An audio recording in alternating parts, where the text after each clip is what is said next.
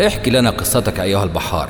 كانت هناك حكاية قديمة عن روح الغابة الغاضبة. لا أرى لك حلا سوى الصبر.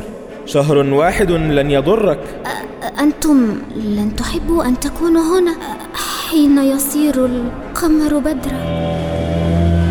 رباه لسنا على جزيرة. نحن على ظهر وحش.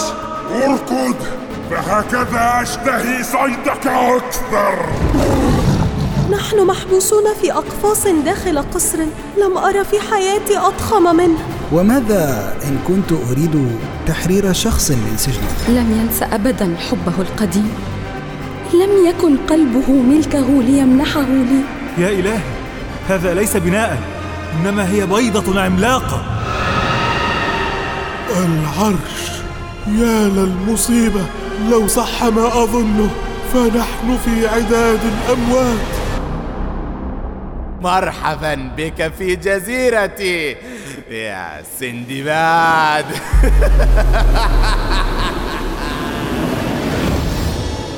بودراما تقدم. رحلة السندباد الجزء الأول في رمضان.